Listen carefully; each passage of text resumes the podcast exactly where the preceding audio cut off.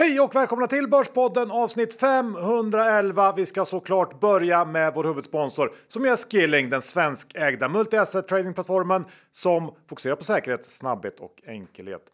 Och John, VIX-index känner de flesta till vad det är, alltså det index som mäter volatiliteten på börsen och det här är ju någonting som man också kan spekulera i. Ja, det är väldigt intressant att spekulera i och det brukar ju dyka upp eh, det här snacket att man ska göra det när VIX-index antingen har skjutit i höjden eller är väldigt lågt. Och just nu har vi haft en väldigt eh, låg nivå på VIX-index. Precis, det har varit eh, stabilt och ganska lugnt på börsen. Men det här går ju vågor och eh, det är inte omöjligt att tro att vi kan få en lite mer turbulent sommar alternativt mer turbulent höst och då skulle det kunna vara läge att gå lång VIX och hoppas på större rörelser på börsen. Ja, för när det skakar till blir det såna här riktiga spikes eh, som det kallas i VIX index och det kan man se i grafen på Skillings hemsida. Rätt kul att titta faktiskt. Precis.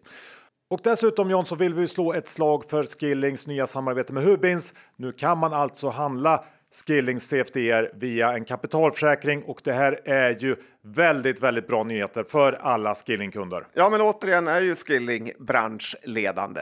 Ja, precis. Och det här fungerar precis som vanlig kapitalförsäkring. Man betalar en schablonskatt och slipper deklarera alla affärer, vilket ju är otroligt skönt och smidigt. Eh, det är gratis att öppna en kapitalförsäkring hos Skilling och eh, avgifterna börjar löpa först när man har eh, satt in sin första insättning och det är minst 250 000 kronor som gäller där. Så att det här ska man gå in och läsa mer om. Vi har en länk i avsnittsbeskrivningen för de som är intresserade. Men man ska också komma ihåg att 76 av ditt kunder får pengarna om man har CFD så bögskilling.com för en fullständig ansvarsfri skrivning. Och John, med det så säger vi ett stort tack till Skilling! Det här har ju varit en ganska tuff vecka John. Det har det varit, och inte bara för oss utan för många aktiespekulanter där ute. Jag tänkte mest på att Zlatan slutar spela fotboll. Din idol, barndomsidol.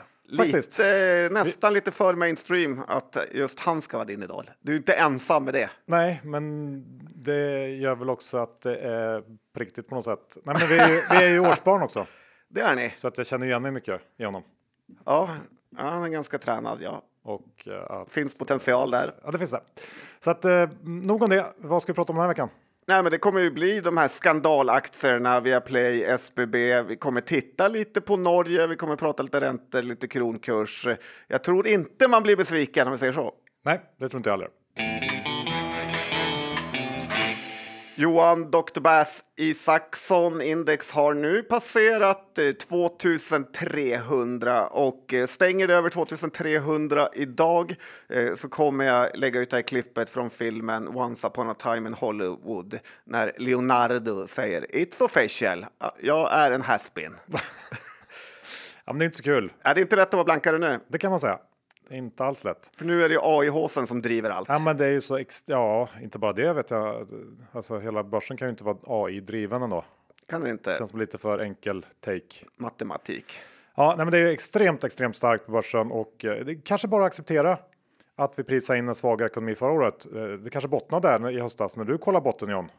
Så var det nog. Ja, När ingen annan vågar Nej. sticka ut. och sen så har det bara tuffat på vidare. Eh, Och nu fortsätter vi bara klättra uppför den här wall of worry som man snackar om. Och jag funderar lite på om jag kanske bara ska ge upp Dr. Bass, fokusera helt på, för jag har ju en annan karaktär också. Kommer du ihåg vad han heter? Herr Hås som finns i Marbella va? Exakt. Och snart är det dags för Span- Spanien. Eh, Och herr Hås jobbar i mobiltelefonen mycket mer än Dr. Väs. Ja. Mycket skärmdumpar och foton på en golfbana. Ja, du tänker så. Ja, det är ju för att man är mer på språng Ja. än man är Herås. Okej, Inte va? sitter och jobbar framför ett skrivbord. Men det låter härligare. Eh, Ja, eh, och att räntan gått från, från liksom noll eller minus till snart 4% det har alltså inte rört börsen i ryggen. Det tycker jag ändå är anmärkningsvärt. Måste man ändå säga. Ja, men jag tror nog att vi ändå nästan gynnas av att ha hög ränta jämfört med låg ränta. Det var ju som sparekonomen John sa, att världen kär. det finns mer tillgångar Ja, än det- skulder. Den där den tanken är jag inte helt säker på. Eh, Men kanske är det också så att eh, inflationen vänder ner med kraft. I veckan fick jag faktiskt första tydliga tecknet på det. Eh, För då bokade jag hyrbil för sommarens Spanienvistelse. Och det blev faktiskt billigare än förra årets eh, hyra, trots då kronhelvetets uselhet. Ja, men det var ju någon typ av ocker förra året eh, då två veckor i Italien kostade 20 000 för en halvrutten bil. Ja, men ändå. Det är ju någonting som eh, går åt rätt håll i alla fall, kan man säga. Sen, mitt i all hås, John, får man ju ändå inte glömma att det finns ju eh, liksom öar av avgrundsdjupt mörker på börsen eh, som dyker upp då och då. Den här veckan var det via Play, förra veckan Embracer och så vidare. Börsen är ju samtidigt som den är så positiv allt annat än förlåtande också mot missa just nu. Så det är någon slags tudelad bild av eh, börsen som vi ser. Ja, men det är ju riktigt, riktigt läskigt och ibland så känner man att man måste sluta med aktier för att eh, när man ser den här brutala kurstappen så blir man på riktigt rädd i förmögenhetsförstöring. Ja. Eh, men ändå några takes på det du just eh, nämnde som eh, nästan tvärtom mot hur du tänker och tror. Och det är dels det här med att räntan verkar vara ganska bra om man tittar på vissa siffror för hela världsekonomin. Jag vet inte om du har sett de senaste sysselsättningssiffrorna från USA som har visat att folk i 45 till 55 års åldern eh, verkar återgå till arbetet igen. Eh, och det är såklart eh, bra för helheten i världsekonomin.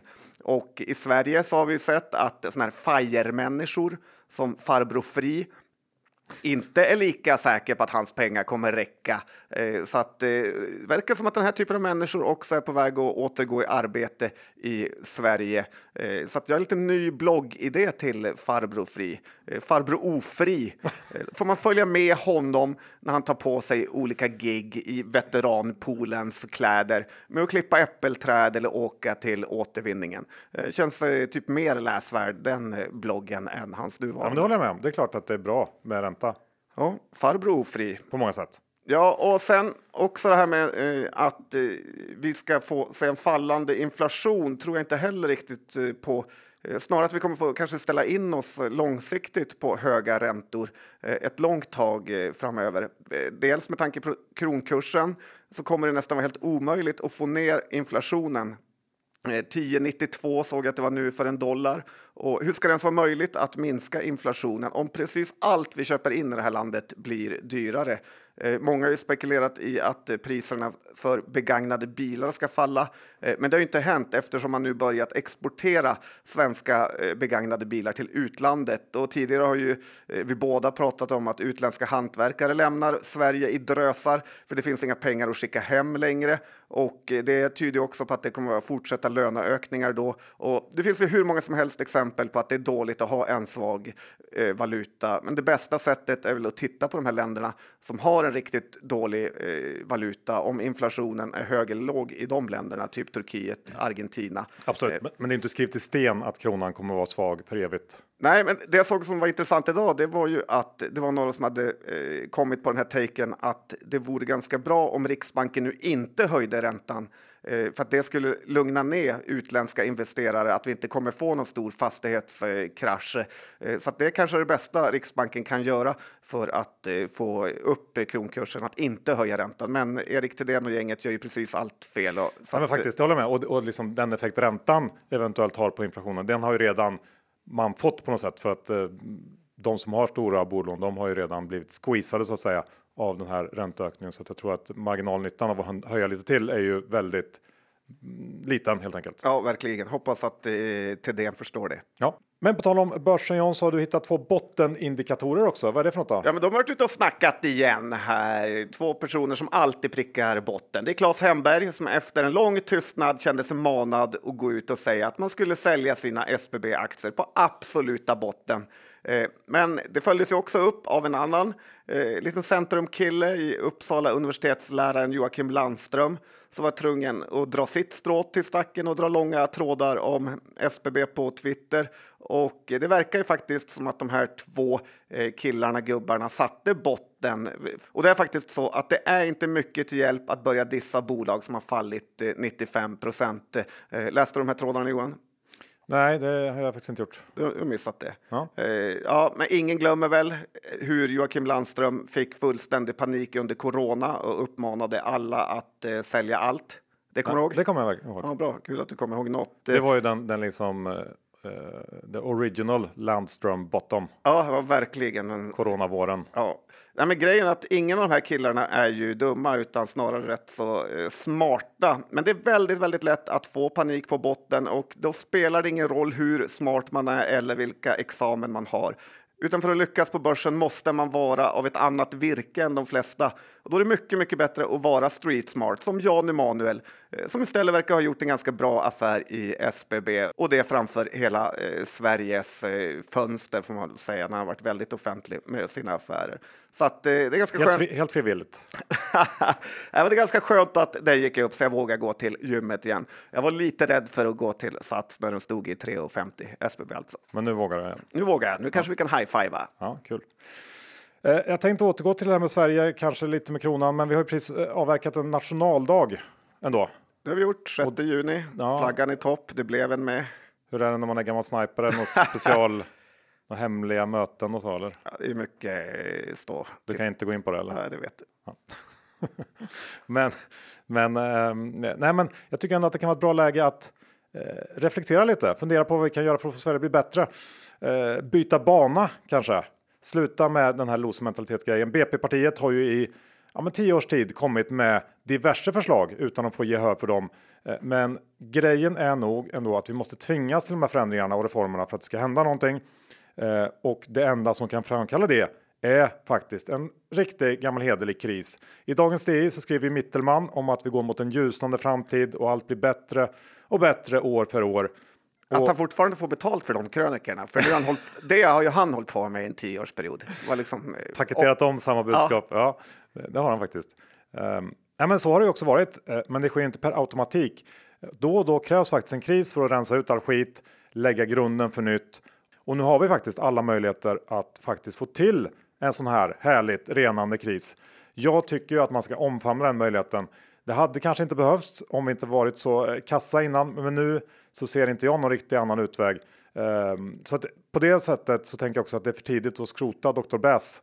För att vi måste få till den här liksom nybyggarkrisen först. Ja, så länge Mittelman finns måste det finnas en Dr. Bass. Och på tal om mainstream media, de har ju dissat friskt i veckan. Ja, det har de gjort och sågat vid fotknölarna alla som ägt eh, via Play, eh, Bodenholm. PJ har ju fått vara verkligen i skottgluggen här. Eh, jag förstår inte ens varför han ställer upp i vanlig media när de bara, bara dissar honom. Eh, men grejen är att man ska ha med sig det här tycker jag, att eh, även om det var tokfel att äga via Play så är det ju en del av jobbet. Om du tar ett lags alla straffar i fotboll så kommer du missa någon. Och ett case... Zlatan har missat straffar. det har han gjort. Och eh, ja, men det kommer alltid vara så att något case i en fond kommer bli uselt. Men det är just det som är grejen med fonder, att eh, varje bolag bara är en liten, liten del. Men om du ska bryta ihop eller bli tvingad att bryta ihop eh, och bli bedömd för en enskild straff eh, eh så blir det ju helt fel. Utan det är helheten man måste titta till. För annars kommer man bli skotträdd och så kommer man bara ge gula aktierekar, lex Benson. Och det blir man inte rik på, Johan. Det är get rich or die trying, tycker jag är ett bra talesätt. Så är det. Det var ju samma sak i veckan med Embracer eller, och TIN Fonder när de fick så ofattbart mycket skit för sitt öppna brev till Embracer. Såg du det? Ja, Det såg jag verkligen. Det blev liksom eh, veckans mobboffer på Twitter. Och jag tycker det är lite samma sak där. De, det är ju det de ska göra på något sätt. Eh, köpa Embracer och om det sen går snett och inte utvecklas som man vill, då tycker jag att det är fullt rimligt att man som eh, fond går ut och berättar det. Jag tyckte inte alls att det var något fel på det där brevet. Det var det inte. Och eh, ändå härligt att vara så öppna med det istället för att eh, försöka eh, mörka. Ja, alternativen är ju som du sa sälja på botten, panikera ut eller inte säga någonting. Och då om man tycker att bolaget har eh, valt fel på slutet så är det väl jättebra att gå ut och säga det. Om jag var andelsägare till en fonder så hade jag absolut velat att de hade gjort på precis det sättet. Vi har den veckan med oss vår exklusiva fondsponsor Fidelity. Rickard, i USA så räddade nyligen tillsynsmyndigheterna First Republic Bank. Hur ser ni på Fidelity på banksektorn här framöver? Mm, stort fokus är det ju på USA och mycket händer ju där borta. Framförallt nu de senaste veckorna har ytterligare också varit fokus på det här skuldtaket och eh, eventuella lösningen på det. Då. Ja, men på banksidan så var det i början av maj som man räddade eh, First Republic Bank men trycket har ju ökat på sektorn från framförallt då myndigheterna och Federal Reserve. Och vårt egna globala makroteam här på Fidelity, vi har utvecklat ett så kallat bankstressindex och där tittar vi bland annat på räntekänslighet och andra parametrar som påverkar den här sektorn och den föll tillbaka något i början på maj. Så sårbarheten i det amerikanska banksystemet, ja den kvarstår och det här då framförallt i kölvattnet av de massiva likviditetstillflöden då som eh, skedde under covidkrisen. Och nu ser vi effekten av de brantaste räntehöjningarna sedan 80-talet slår in. Vilka risker finns i banksystemet? Ja, fundingdelen är ju en framför allt. Men en annan risk också som börjar växa fram nu det är när företag och framförallt fastighetsbolag eventuellt får problem med sina betalningar. Och då får vi problem med den så kallade refinansieringsmarknaden och här tror vi nu att banker bygger reserver för ökade kreditförluster och det är ett ganska globalt fenomen. Då, då. Men den här situationen den är ju annorlunda från 2008. Då var kreditrisken centrerad till de amerikanska bolånemarknaden. Den goda nyheten man kan se då det är att det finansiella systemet får backning av centralbankerna om det skulle bli allt för illa och det såg vi ju nyligen då med Credit Suisse. Eh, sen är det ju som så att vi får inte glömma att eh, krediter behövs, framförallt som extra bränsle för tillväxten och dit hoppas vi kommer tillbaka någon gång. Vi ska också påminna om att investeringens värde kan minska och öka. Det kan hända att du inte får tillbaka det investerade kapitalet. Historisk avkastning är ingen tillförlitlig indikator för framtida resultat och åsikter uttryckta kan redan ha på och inte längre gälla. Hänvisningar till specifika värdepapper ska inte tolkas som rekommendation att köpa eller sälja dessa värdepapper utan är endast inkluderade som illustration. Vi säger stort tack till Fidelity International. Vi är denna vecka sponsrade av Saveland och John hos Saveland. Där kan man ju investera i krediter. De har ett brett utbud av investeringsmöjligheter och erbjuder då ett diversifierat sparande som förra året faktiskt levererar en genomsnittlig avkastning på hela 8,12 procent. Ja, men det här är ett perfekt eh, komplement eh, till börsen som vi älskar nu när börsen känns eh, lite smådyr. Precis, då kan man ju faktiskt skifta över en del av börspengarna till ett mer stabilt och säkert sparande och hoppas på en nedgång där. Och under tiden så tickar då din ränteinvestering hos Saveland på. Och en rolig nyhet John är ju att Saveland har lanserat sina nya sparstrategier, vilket gör det här enklare än någonsin. Ja, och det finns tre olika strategier att välja mellan och det är bara att välja en av dem så sköter Saveland resten. Precis, och det baseras då utifrån vilken risk man vill ta, vilken avkastning man är ute efter och så vidare. Det här står det massor om på Savelands hemsida. Och Saveland är ju ingen småspelare direkt utan har ju ett insatt kapital på över en miljard och dessutom är den börsnoterade med ett börsvärde på över 400 miljoner kronor. Så jag tycker att ni ska surfa in på saveland.se, skapa ett konto och sen då välja en strategi utifrån den riskaptit, avkastningsförväntan och sparhorisont som passar just dig bäst. Och sen kan man bara luta sig tillbaks och låta Saveland sätta pengarna i arbete. Vi säger stort tack till Saveland! John, det har ju verkligen varit en otrolig vecka i herrsektorn på börsen. Ny vecka, nytt jättehaveri och då tänker jag främst då på Viaplay. Ja, ny vecka, nya möjligheter att göra bort sig. Den eh, aktien gick ner 63% i måndags, vilket måste vara, jag vet inte om det är rekord, men i alla fall nära för ett large cap bolag på en dag. Eh, och det här handlar ju då som de flesta vet om att Viaplay natten till måndag gick ut med vinstvarning för andra kvartalet, drog samtidigt tillbaka sin långsiktiga prognos och meddela att vdn Anders Jensen får lämna på dagen. Så från att vi haft fler vd som hette Anders Jensen än kvinnor eh, på vd-posten så har vi nu ingen kvar. Det är ingen kvar på börsen. Bara eh, skottpengar på dem. Så snabbt gick det. Den men, ena blev utköpt, den andra blev förnedrad. ska man komma ihåg. Ja, det är lite skillnad på sättet de lämnar börsen på. Eh, men om man tittar på de här nya målen för innevarande år så är det ju en anmärkningsvärt stor sänkning av prognosen från Viaplay. Alla delar väntas nu gå rejält mycket sämre än vad man räknade med tidigare och de här långsiktiga 2025 målen. De skrotas helt. Viaplay skyller på lägre efterfrågan från konsumenterna, sämre reklammarknad och att det här kostnadsbesparingsprogrammet inte utvecklas som förväntat. Men de här förklaringarna räcker ju inte när aktien är ner 63% Det är uppenbart att det här storhetsvansinnet, satsningen internationellt eh, som blöder enorma pengar varje kvartal. Det funkar inte och att tro att man kan slåss mot jättar som Netflix, Disney och HBO eh, utan något annat än de här extremt dyrköpta sporträttigheterna och komma med. Det var alldeles för naivt och det har kostat aktieägarna väldigt mycket pengar. Och eh, på tal om de här sporträttigheterna så är väl det ett av grundproblemen. För Viaplay har varit alldeles för aggressiva och helt enkelt betalat betydligt mer för de här rättigheterna än vad de är värda och man kan ju lite grann argumentera för att den här sitsen som Viaplay befinner sig i nu, den liknar lite grann den sits som Embracer, Storskogen eller SBB satt sig i, det vill säga att man har förvärvat alldeles för mycket, för snabbt, för dyrt. Eh, sen tycker jag också att man kan flika in någon typ av Stenbecks eh, take på det här. Eller? Kanske man kan. Ja, alltså att eh, Viaplay är ju inte det enda gamla Stenbecksbolaget som numera är mer eller mindre ägarlöst. Det är ju i princip bara institutioner på ägarlistan i Viaplay och det har ju visat sig att det kanske inte är så bra. Det funkar inte riktigt. Eh, och så ser det faktiskt ut i flera av bolagen som är sprungna ur Stenbeckssfären. Nu kliver ju den här gamla MTG-bossen eh, Jörgen Madsen Lindeman in som vd och eh, man får väl utgå från att han kommer att genomföra ganska stora förändringar. Blodflödet i den här internationella delen måste stoppas och frågan är väl hur man gör det på bästa sätt. Eh, går det ens att liksom komma ur och stänga ner givet alla sportavtal eh, som man har till höger och vänster?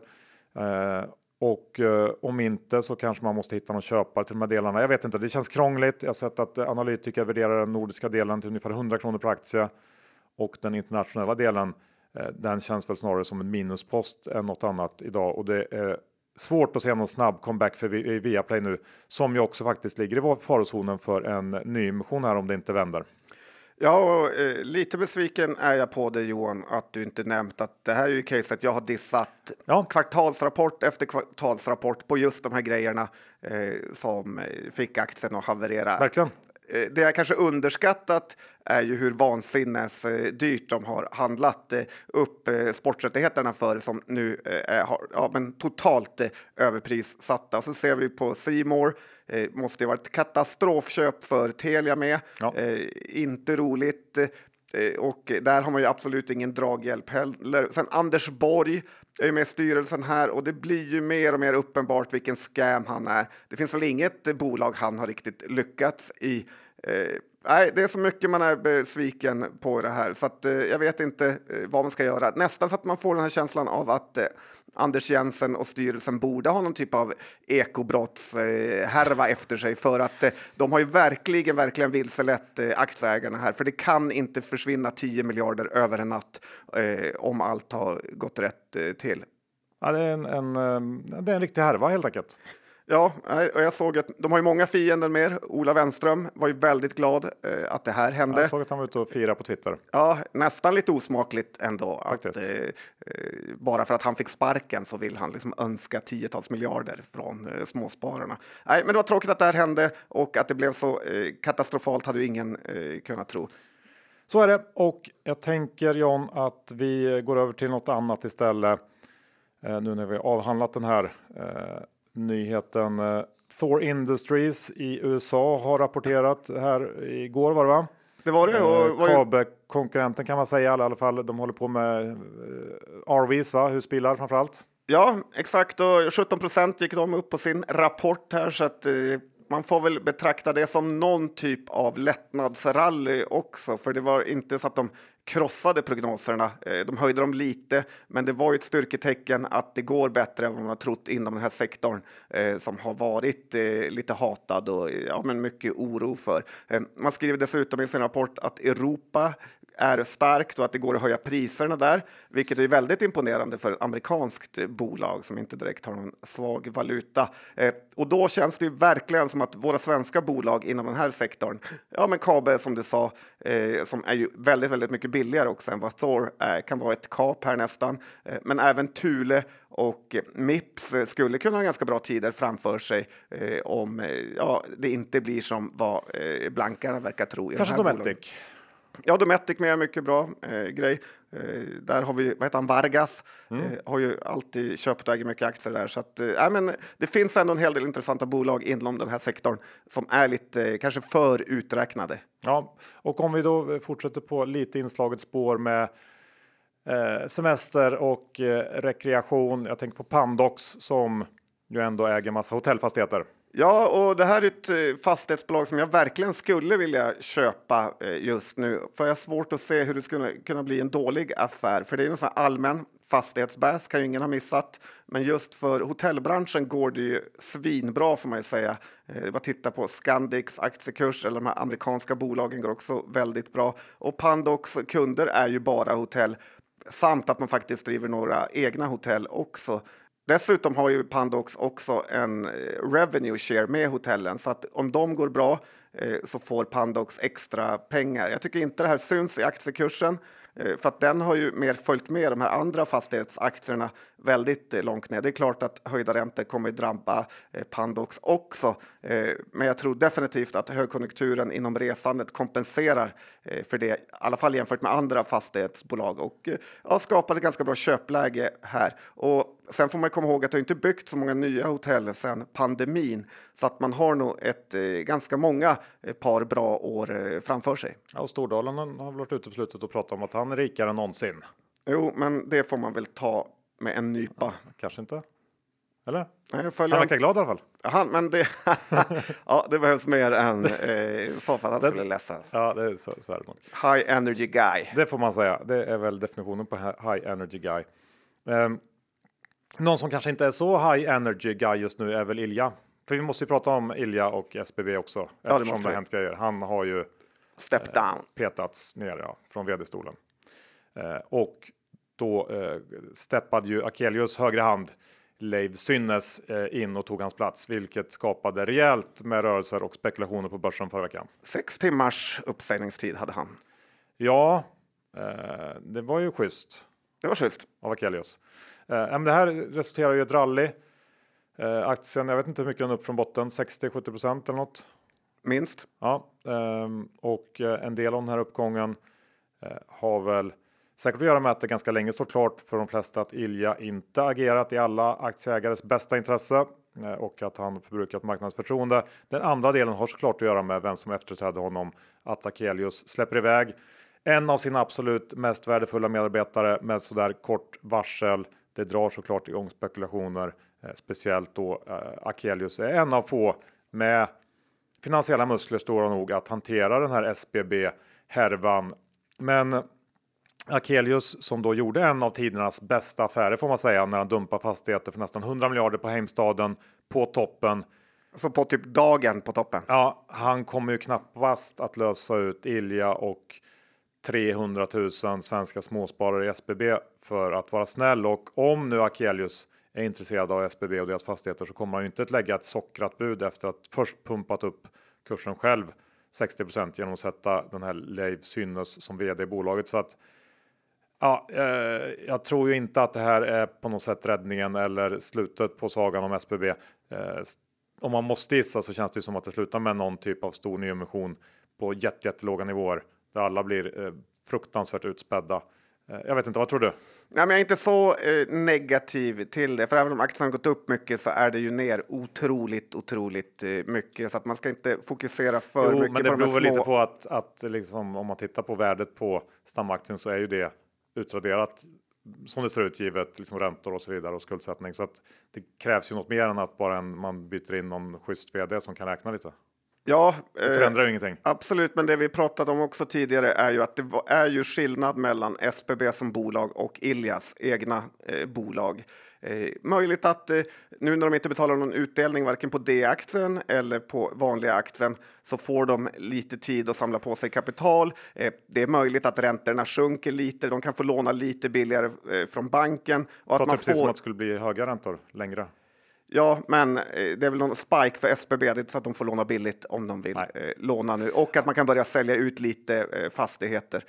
Jag vet, alltså det, och, men det är så många komplexa och ja, komplicerade saker för att eh, Roger Akelius är ju lurig får man ju säga. Det är inte så att Ja, men att han ska gå in och köpa upp alla, lägga ett bud på SBB känns uteslutet tycker jag. Ja, men ändå lite kul. Old but gold, Roger Akelius. Ja. Eh, det är kul att läsa på Twitter om det här med eh, folk skriver så här. Roger Akelius, vilken jävla chef. det, jag tänkte faktiskt på dig, att det, det skulle vara din dröm eh, att efter den här artikeln, helvetet brakade loss, att ja. det faktiskt brakade loss och att eh, folk, folk skulle skriva på eh, Twitter Johan Isaksson, vilken jävla chef. Ja, Eller jag tror att du är ännu mer den här typen som skulle vilja ha Johan Isaksson, punkt, chef. Då hade min telefon fyllts med skärmdumpar kan jag säga. Kanske chef ändå. Eller? Ja. ja. Nej, det hade varit något. Vilken jävla chef. Vilken jävla chef ändå. Ja. Ändå. Ja, det hade du. Ja. Livet ändå, Johan. Ändå. Ja, men det hade du inte, det hade du inte mått dåligt Men av. där är vi ju inte riktigt. Inte riktigt än. Men vem vet? Vem vet, kanske en ny artikel på 3000 nivån. Ja, får jag vända helt då. Ja, vi släpper SBB. Eh, du, vi har lite olika syn. Jag tror ju att eh, många aktieägare ropar hej lite för tidigt. Vi får se.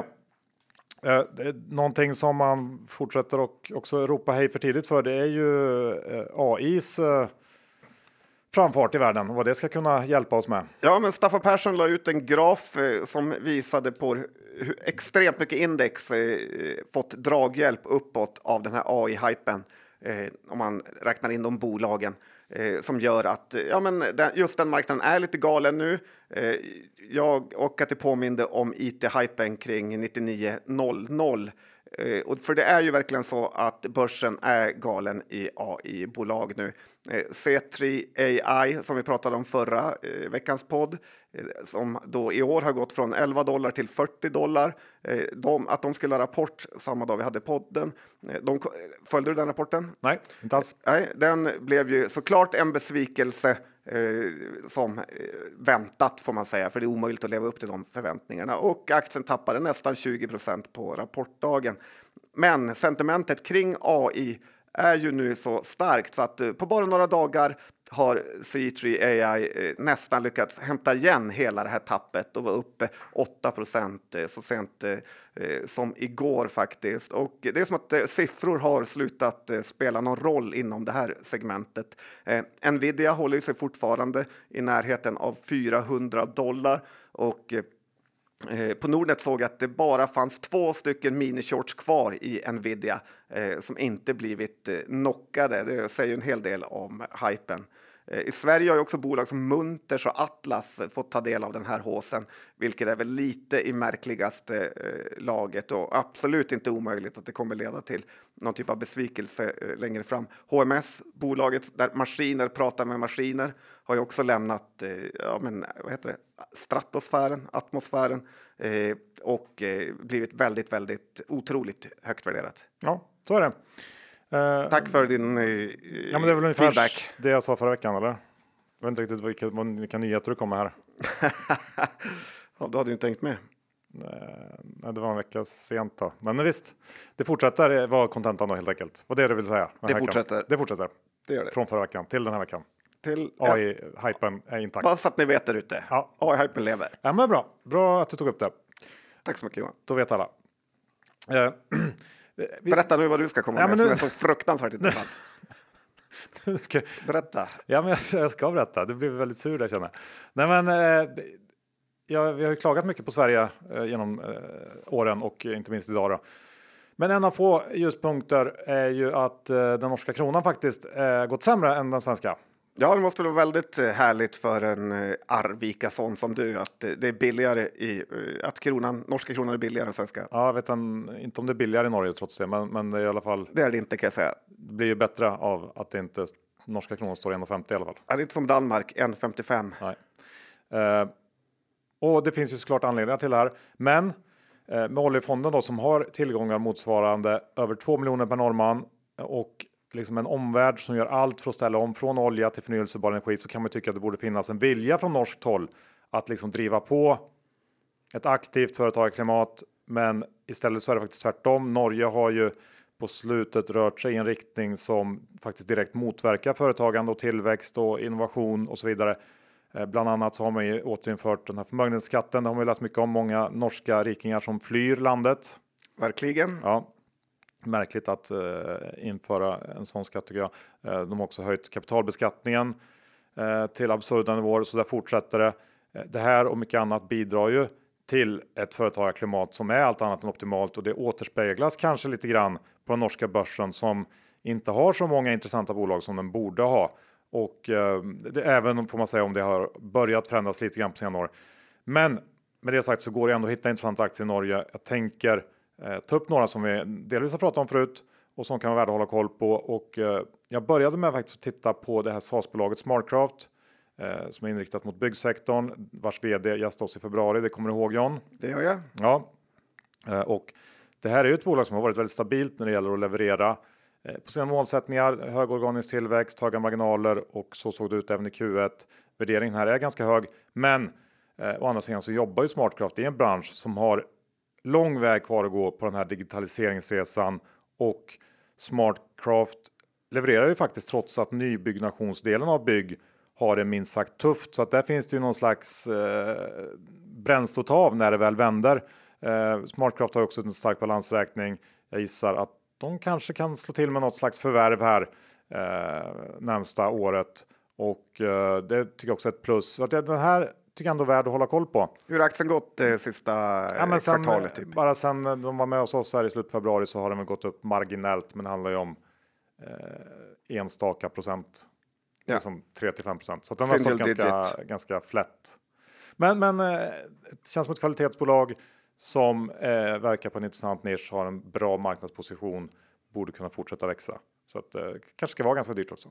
Ja, det var väl all, inte billigt direkt. Nej, men ändå inte liksom horribelt. Det är ju inte Nvidia om man säger så. Yes. Inte ens kanske Atlas dyrt. Inte ens Atlas, Nej, eller däromkring kanske. däremellan. Sen har vi ju eh, lågpriskedjan Europris. Eh, det här är ju ett bolag vi pratade en hel del om i podden för mellan tummen och pek 5-6 år sedan. Ja, lågpriskedjan. Ja, typ precis. deras Rusta, Jula, kan man säga så? Ja, det kan man säga. Och det här är en aktie som har gått riktigt bra de senaste åren.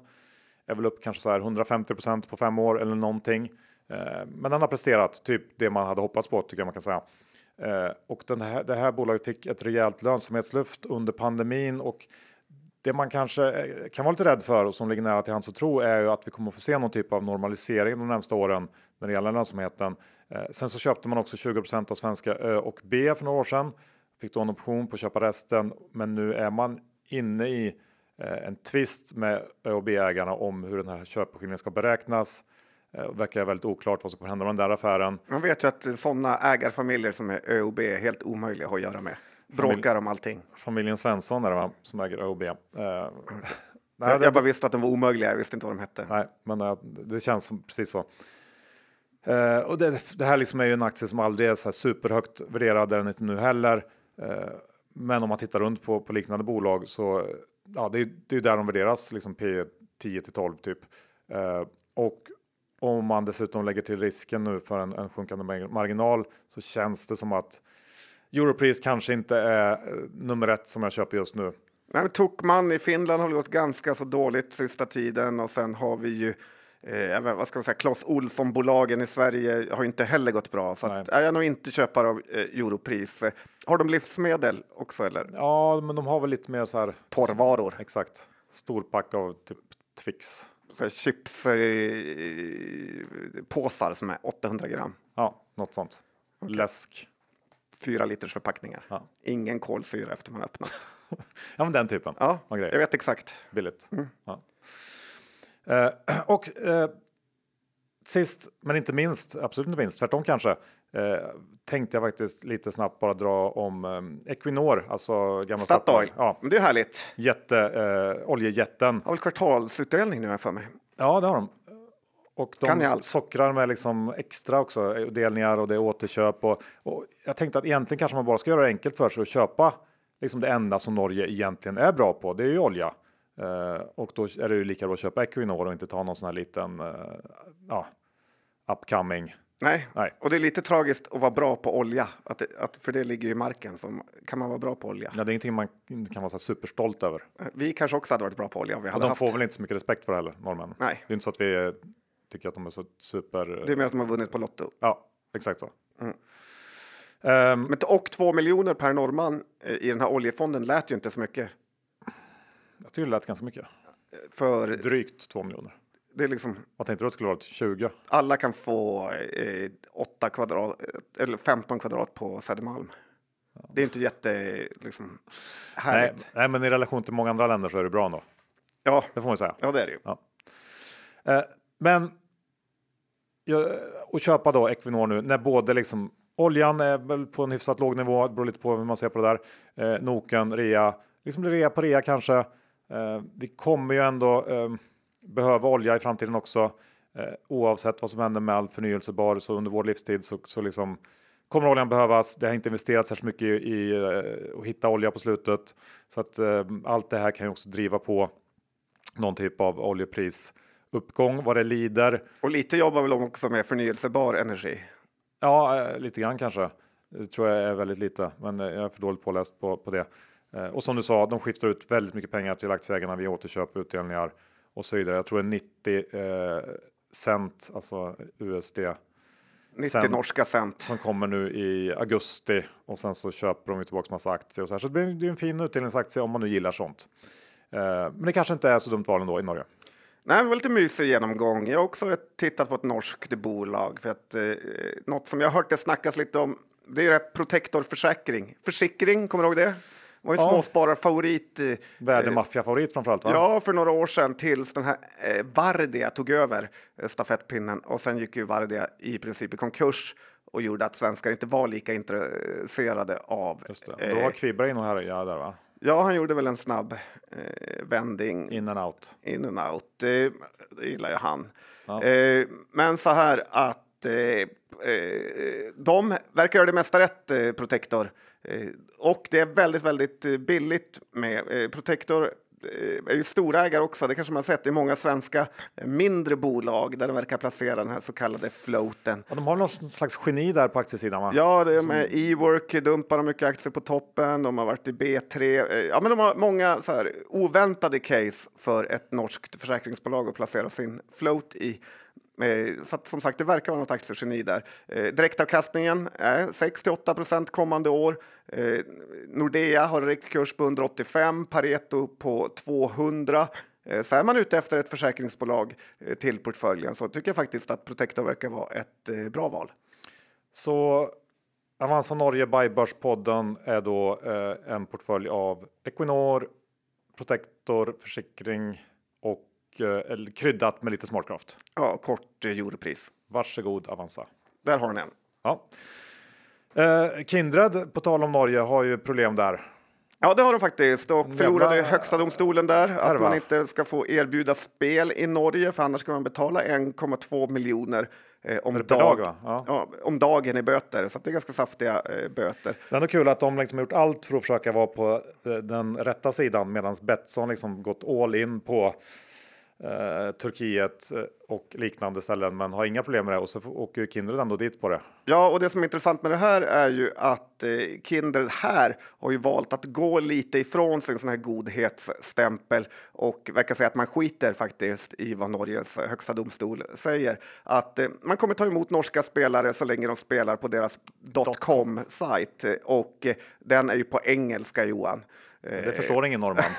så det, det är lite så, så att eh, där är de ju Ja, det får ju, eh, så det, det är bara eh, utlandsnorrmän som spelar Ja. där. Nej, men eh, de har ingenting att säga till om det, tycker Kindred, vad eh, norrmän gör på .com-sajter, så att de kommer inte lyssna på det här domslutet. Och, det är ett ganska gammalt argument det där. Med Ja, men, och det är ganska stor policyförändring skulle jag säga eh, som Kindred kommer med här. Att man numera inte kommer vara lika ESG-vänlig och försöka vara alla stater och regleringar till lags utan fokusera på bolagets vinst. Just i stil med som du sa Betsson här, eh, vilket har ju varit en överlägset mycket bättre strategi eh, som jag lite grann tror är rätt eftersom spelbolag kommer ju alltid vara ansedda som lite onda. Så att det inte är lönt att försöka vara eh, goda heller. Nej, eh, uppenbart så är det den vägen som har funkat och, och jag, jag. Och det känns som att Tjärnström ändå har lätt godhetsvägen och nu är det nya pengatag. Nu ska pengarna in. Nu ska pengarna in. Degen ska in Johan. Ja. Slut på avsnitt 511. Kampen mellan Herr Hås och Dr. Bass fortsätter. Och eh, jag vet inte vem som vann idag. Nej, men jag ändå eh, gillar att du är komplex Johan, precis som Zlatan. Ja, sån är jag. Vi ska såklart tacka vår huvudsponsor Skilling, den svenskägda multi-asset tradingplattformen som fokuserar på säkerhet, snabbhet och enkelhet och numera har den här fantastiska kapitalförsäkringslösningen. Läs på om den. Vi kommer lägga till en länk i avsnittsbeskrivningen för alla som är intresserade. Eh, men kom ihåg att 76 av ditt kunder förlorar pengar som handlas i CFD, Så Skilling.com för fullständig ansvarsfri skrivning. Och John, hur är det med innehav den här veckan? Vad har vi pratat om? Men vi har lite, lite eh, Kindred i Börspodden, portföljen som eh, är mer av budspäck. Men nu blev någon slags eh, anti-ESG-späck. Eller? Lite så. Jag får se vad vi gör med den. Det blir ju kanske mindre troligt att bli uppköpt då, eller mer. Amerikanerna skiter väl i Norge. Ja, det gör de verkligen. I övrigt så är det nog inte så mycket. Inga norska aktier har vi. Eh, via Play har vi Thank God inte Nej, tack för det korstecknet. och eh, SBB har inte jag i alla fall. Nej, Och inte Pandox. nej inte än. Nej, och inga AI-bolag. Inga AI-bolag. Förutom Kambi Ja, som är en liten AI-pärla. ja Gömd, oupptäckt. glömd. Ja, bra. Då tackar vi för Det blev oss. som ett nytt avsnitt i sista delen. Ja, det gäller ju att lyssna hela vägen ut. Annars Hela vägen. man kanske liksom de göttigaste bitarna. Tack för att ni lyssnade. Vi hörs om en vecka igen. Hej då! Det gör vi. Hej då!